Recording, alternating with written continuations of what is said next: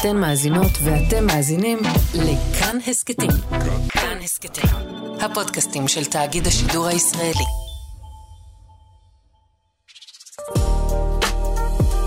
הישראלים, עם ז'וז'ו אבוטבול.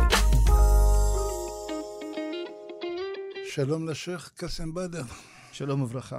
נתחיל במצב היום שאתם חלק בלתי נפרד ממנו, עם אבדות, עם הרוגים, עם קצינים, באופן יחסי ליחס שלכם באוכלוסייה. איבדתם יותר מדי הרוגים, ובכל זאת אתם ממורמרים על המדינה, ולדעתי, למרות שאני אמור לשמור על דעה ניטרלית, בצדק. יש לכם צדק באי הגינותה של המדינה. אז uh, אנחנו מדברים עם השייח' קאסם בדר, אמרתי? אמרתי. בבקשה, אדוני. קודם כל, אה, שלום לך ולכל המאזינים. אה, אני מאוד מעריך את, ה, את המפגש הזה, שאני באתי מהצפון, ליד הגבול עם לבנון, מכפר חורפיש, שאני גר ונולדתי שם כדי להגיע לאולפן המכובד הזה ולפגוש אותך ולדבר באמת על דברים שהם קורים לצערי הרב. קודם כל, הדרוזים חשוב מאוד לציין שהם מאמינים בגורל. הגורל הוא לא בידינו. הגורל זה בידי בורא עולם. זה האמונה של הדרוזים. אפילו כשאנחנו מאבדים חיילים, מישהו נפטר, מלחמה, שמחה, דברים כאלה, שקט, רוגע, זה גורל שדרוזי חייב לקבל אותו. ולכן יש חמישה דברים בחייו של הדרוזי שלא יכול לקבוע שהם חלק שזה המוות, הילודה, כל הדברים האלה. ידוע לכולנו שהדרוזים הם חלק אה, שהם בלתי נפרד ממדינת, הם אזרחי מדינת ישראל בכל מובן המילה. כשדרוזי היום לפעמים עומד וחושב איפה החובות, הוא ממלא את כל החובות שמוטלים על אזרח שחי במדינה דמוקרטית מסודרת. עד שזה מגיע לזכויות. עד שזה מגיע לזכויות, אנחנו קצת רואים שיש פה פער.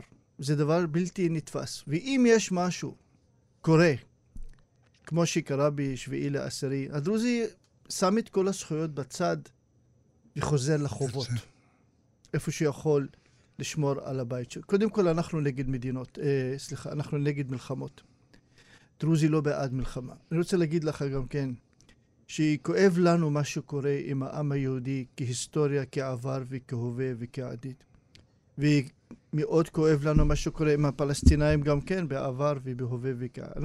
אני רואה ששני העמים האלה, יהודים ופלסטינאים, הם עמים שהם סובלים.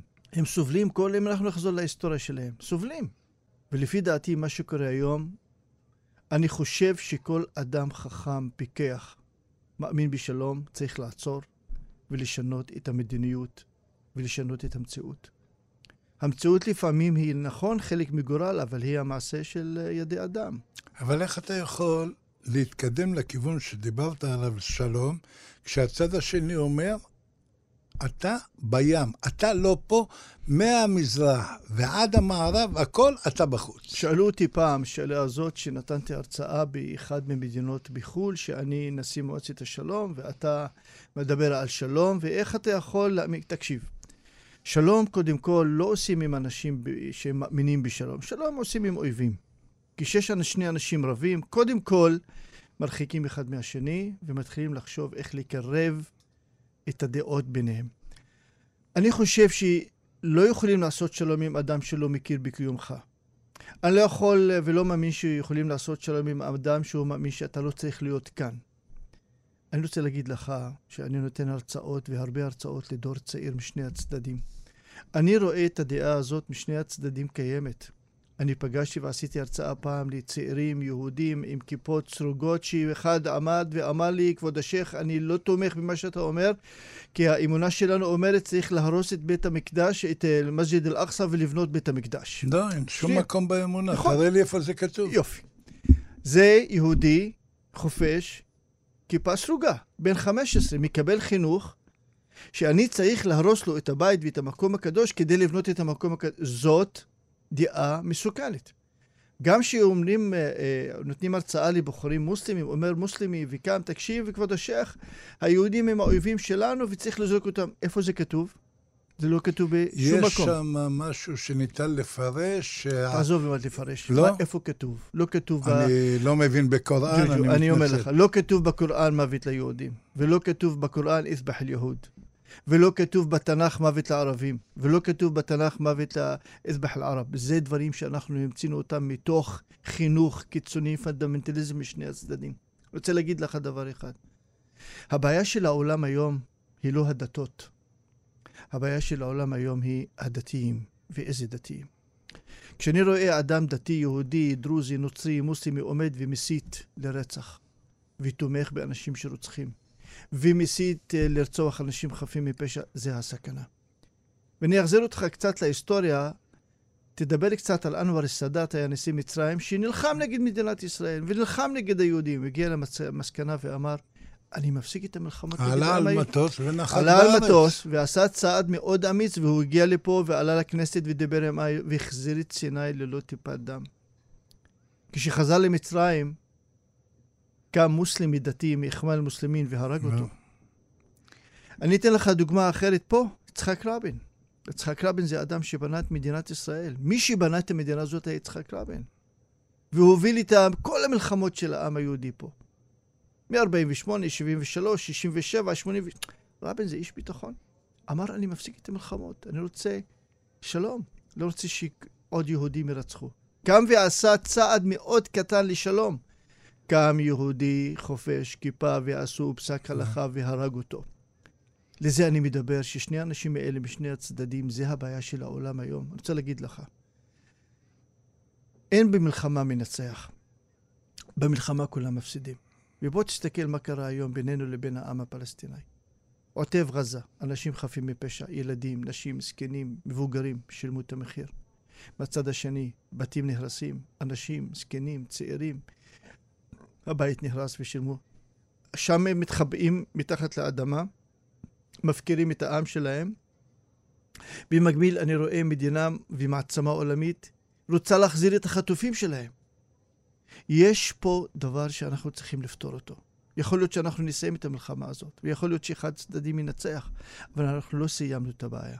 עוד עשר שנים, עוד עשור, שני עשורים, אנחנו נשלם עוד אותו מחיר. צריך לחשוב איך לפתור את הבעיה, ואיך לעשות טיפול ואתה שורש. חושב שאפשר לפתור את ברור, הבעיה? ברור. תן לי... אני אתן לך, איך? אני או- אתן לך. כן.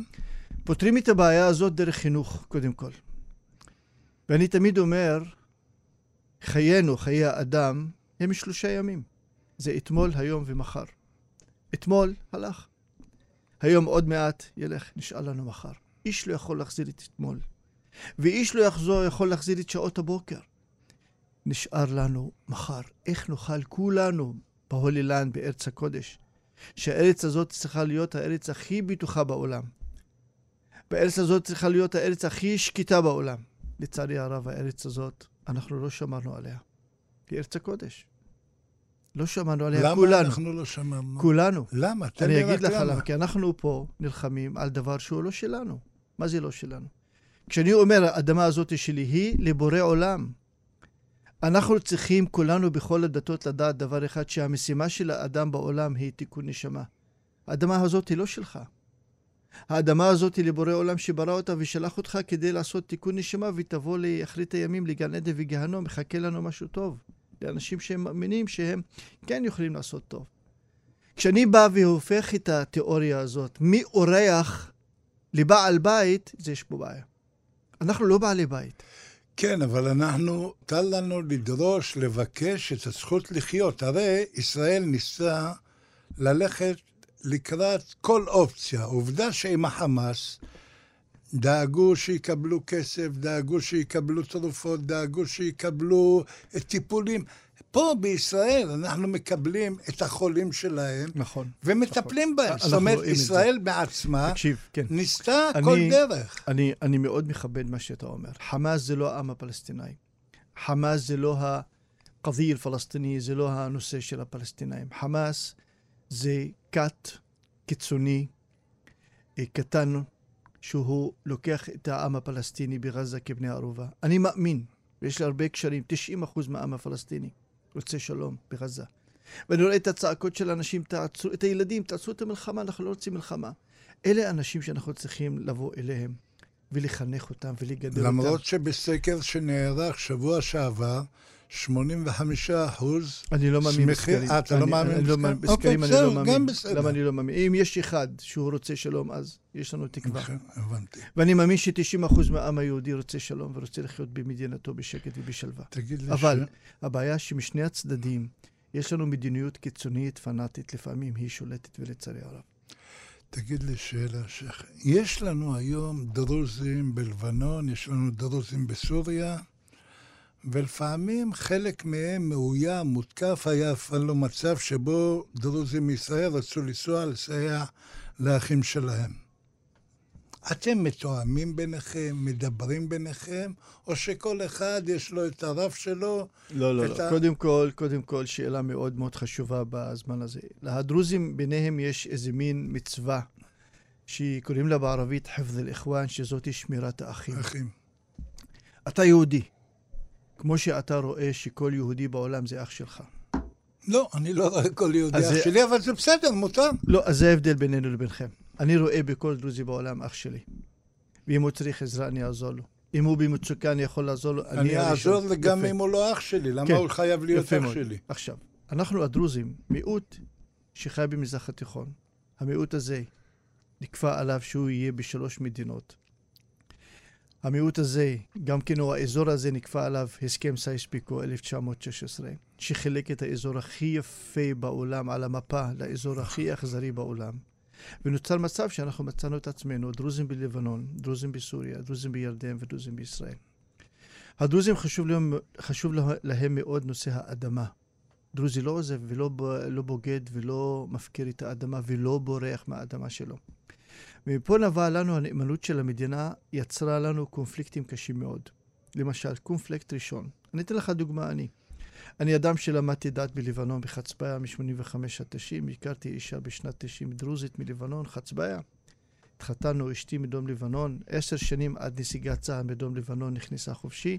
משנת 2000 עד היום, 23 שנים, אשתי לא פגשה את המשפחה שלה. אה, שמה, היא לא שם, יכולה... המשפחה שלה שם כן. והיא כאן. דרוזים ברמת הגולן משנת 67. שהייתה לא הגדר הטובה, גם אי אפשר כן. היה לעבור. שם חיזבאללה ואיראן היום בדרום לבנון. אבל מ-82 עד 2000 צה"ל היה ברצועת הביטחון. הייתה אפשרות להיכנס. מנסיגת צה"ל מדרום לבנון, בשנת 2000 עד היום, הדרוזים לא יכולים עוד ליצור קשר ישיר ביניהם, ולכן אשתי היום 23 שנים לא פגשה את המשפחה שלה, ואבא ואימא שלה נפטרו ולא יכלה להשתתף בהלווייתם. זה קונפליקט מאוד קשה, שהגבול פיצל דרך משפחות. אגב, אתה בטח יודע את זה, כבוד השייח, שאפשר היום לנסוע לירדן ולהיפגש יפה. שם. אם אנחנו נפגשים שם, והם חוזרים בחזרה ללבנון, ואת הביטחון הוא יודע שהם נפגשו עם ישראלים, הם ייכנסו לבעיה עם קשה. הבת שלהם. לא, אין, אין, אין הבנה כזאת. אין הבנה. אין כזאת. הבנה. זה לא ישראל, אין הבנה כזאת. לכן אני מונע לפעמים בעיות. עכשיו, קונפליקט שני יותר מסוכן. יש לי שני ילדים משרתים בצבא, אוקיי? שיעור. כל האחיינים של אשתי משרתים בצבא הלבנוני.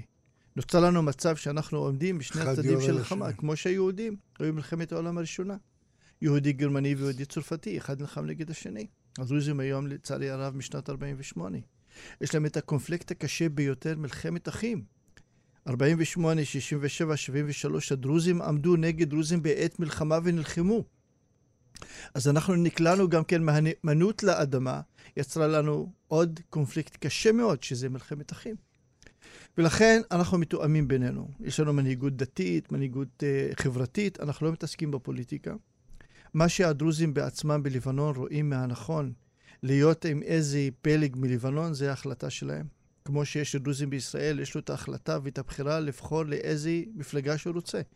הדרוזים בסוריה היו עם אה, חאפז אל-אסד, עם האב, עם הבן, היום המצב קשה בסוריה על כל אזרחי סוריה, לא רק הדרוזים. היום כל אזרחי סוריה סובלים מהאי הביטחון שנמצא שם, ואי הוודאות, והם לא יודעים מה מחר הולך להיות, שיש שם רוסיה ואיראן וחיזבאללה וארצות הברית, ומצב בסוריה לא כמו שהיה. שאלה, כבוד השייח. אתם התקוממתם על התחנות רוח שרצו להקים ברמת הגולן, שאמורים לתת אנרגיה, להוזיל את יוקר המחיה, ולתת גם הכנסה לאנשים שעל הקרקע שלהם מציבים את התחנות. מה- למה ההתנגדות? מה... קודם כל, מה שקרה ברמת הגולן, שרצו לבנות את הטורבינות שם, חלק מהטורבינות באדמה פתוחה וחלק מהטורבינות בתוך מטעי הדובדבנים והתפוחים של הדרוזים. הדרוזים סירבו, כי שם יש להם פרנסה. כל מטעים התפוחים, אתה הולך לשם, תפוחים ודובדבנים וכל הדברים. החקלאות. החקלאות זה חלק מאוד מאוד חשוב אצל הדרוזים. עכשיו, הדרוזים אמרו, תבנו טורבינות מהצד השני, שאין שם אה, חקלאות, והצד השני, תעזבו אותו. סירבו, הם רצו לבנות שם. ועכשיו, עשו מחקרים, הביאו שם מהנדסים, כולם נתנו חוות דעת. שזה מזיק, וזה פוגע בחקלאות, בבני אדם, ולכן הם סירבו. כל הבעיה, הם אמרו, פה אנחנו לא רוצים לקלקל לנו את החיים שלנו. הבקשה הזאת הייתה בקשה מוצדקת, אבל עוד פעם, אנחנו נגד אלימות, אנחנו לא בעד אלימות, ולפעמים אתה נקלע למצב שאתה לא רוצה להיות שם. המדינה צריכה להקשיב להם. אני אזרח, ואתה מושל, ואני אומר לך שזה מפריע לי, ואני לא רוצה זה, ואתה כופה עליי. אז פה ההתנהגות בנושא הזה השתנתה. אנחנו נגד כל דבר שיפגע באחים שלנו הדרוזים ברמת הגולן, בחקלאות שלהם, בפרנסה שלהם, וגם אנחנו, אני רוצה... למרות, כבודו, שהאחים שלכם ברמת הגולן הם נגד מדינת ישראל, ואתם בעד מדינת ישראל. זאת אומרת, זה תקשיב, קונפליקט תקשיב, בתוך אתה, קונפליקט. אתה, אתה מדבר פה עוד פעם על עוד קונפליקט. אני רוצה לה, להבהיר את הנושא הזה, וחשוב לי מאוד להבהיר את הנושא הזה. הדרוזים ברמת הגולן הם לא אנטי-ישראלים. הם נאמנים פשוט שנייה, ל... שנייה, הם לא אנטי-ישראלים והם לא ישראלים. עד 67, הדרוזים ברמת הגולן, כשישראל כבשה את רמת הגולן, מ-67 עד 82, הדרוזים היו שקטים ורגועים. ב-82 קרה משהו. ב-82 ישראל עושה הסכם שלום עם מצרים, כשבגין וממשלת הליכוד הייתה בשלטון. זה היה אור אדום חזק מאוד לדרוזים ברמת הגולן. רגע, רגע, רגע. אם הימין בישראל מחזיר שטחים ועושה שלום תמורת ש... אה, מחזיר אדמה תמורת שלום, מחר יבוא השמאל לרמת הגולן ויחזיר את רמת הגולן לסוריה תמורת שלום. וזה עלה על הפרק. כל ראשי ממשלות ישראל הסכימו על ירידה מרמת הגולן. הבעיה הוויכוח הקו? שמונה מטר מה... נכון. מהמים. מהכנרת. מהכנרת. אז בגדול, ממשלת ישראל ויתרה על הדרוזים ברמת הגולן, וזה יהיה אור אדום. רגע, אם אנחנו נהיה עכשיו אזרחי מדינת ישראל, נקבל את האזרחות, נשרת בצבא, ויוכרז עלינו אזרחי המדינה, מחר מחזירים אותנו לסוריה. ואז אז אנחנו נהיה? בבעיה. עכשיו, הן בין הפטיש לבין הסדן. אתה לא יכול לתת למקרה אחד שדרוזי, חס וחלילה, רצח יהודי ברמת הגולן.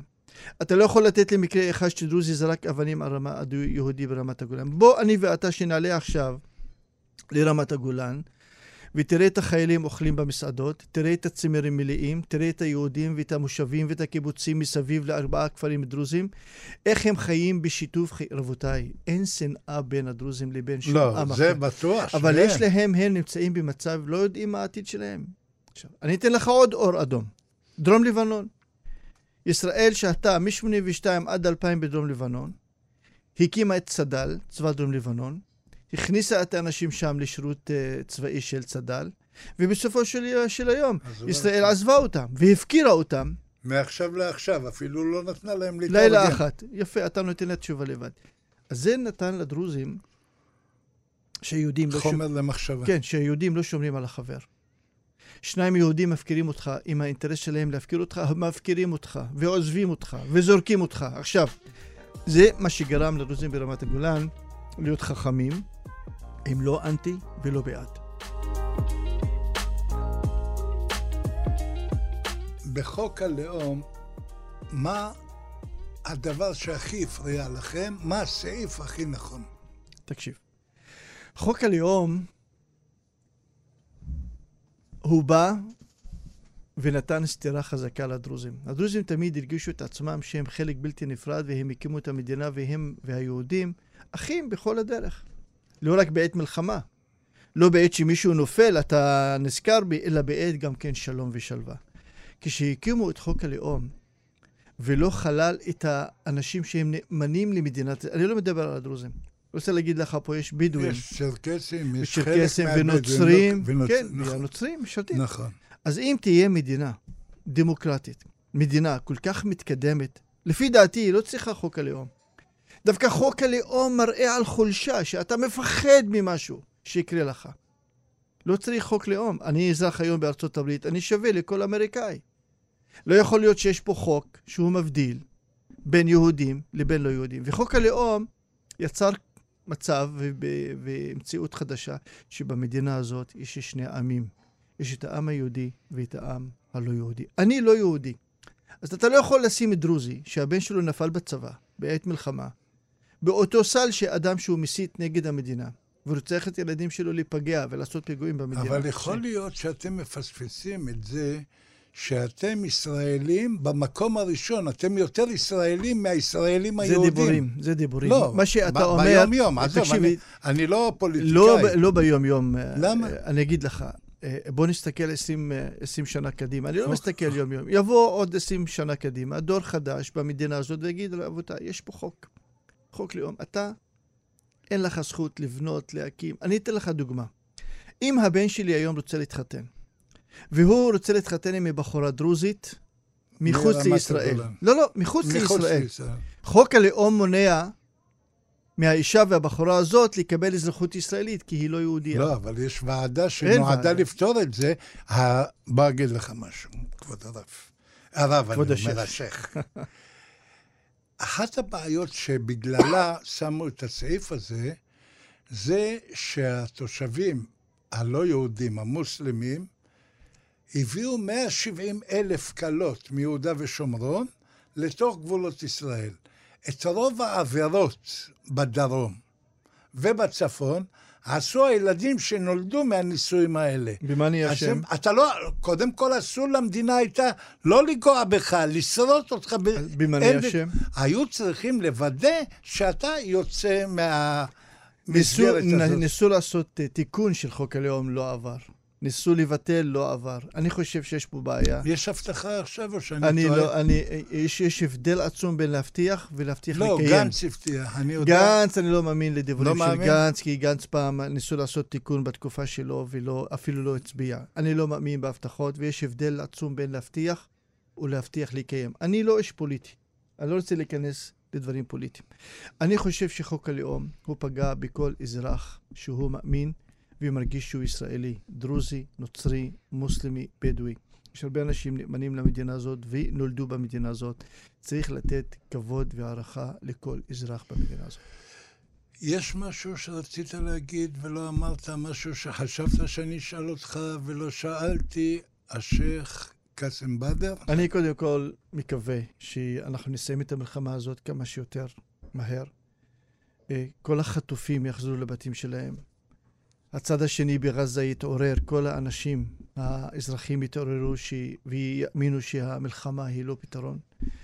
ואני רוצה להגיד לך דבר אחד, אני מאמין בקיומו של העם היהודי ובקיומו של העם הפלסטיני לחיות במדינתו בשלום, בשלווה ובשקט, ויגדל פה דור חדש של אה, אה, דור צעיר שיאמין בשלום. אני רוצה להגיד לך כי אם העם הפלסטיני והעם היהודי, שניהם עמים חכמים וחזקים ופיקחים, יתאחדו ביחד וישימו יד ביד, תהיה המדינה הזאת המדינה הכי חזקה בעולם. אכן פורחת. אינשאללה, אינשאללה. תודה רבה, השייח' קאסם בדר, נהניתי מכל רגע, תודה רבה. אדם מעניין, עיניים טובות, תודה איש רבה, טוב, תודה. תבורך משמיים. תודה לך. תודה, תודה. להתראות.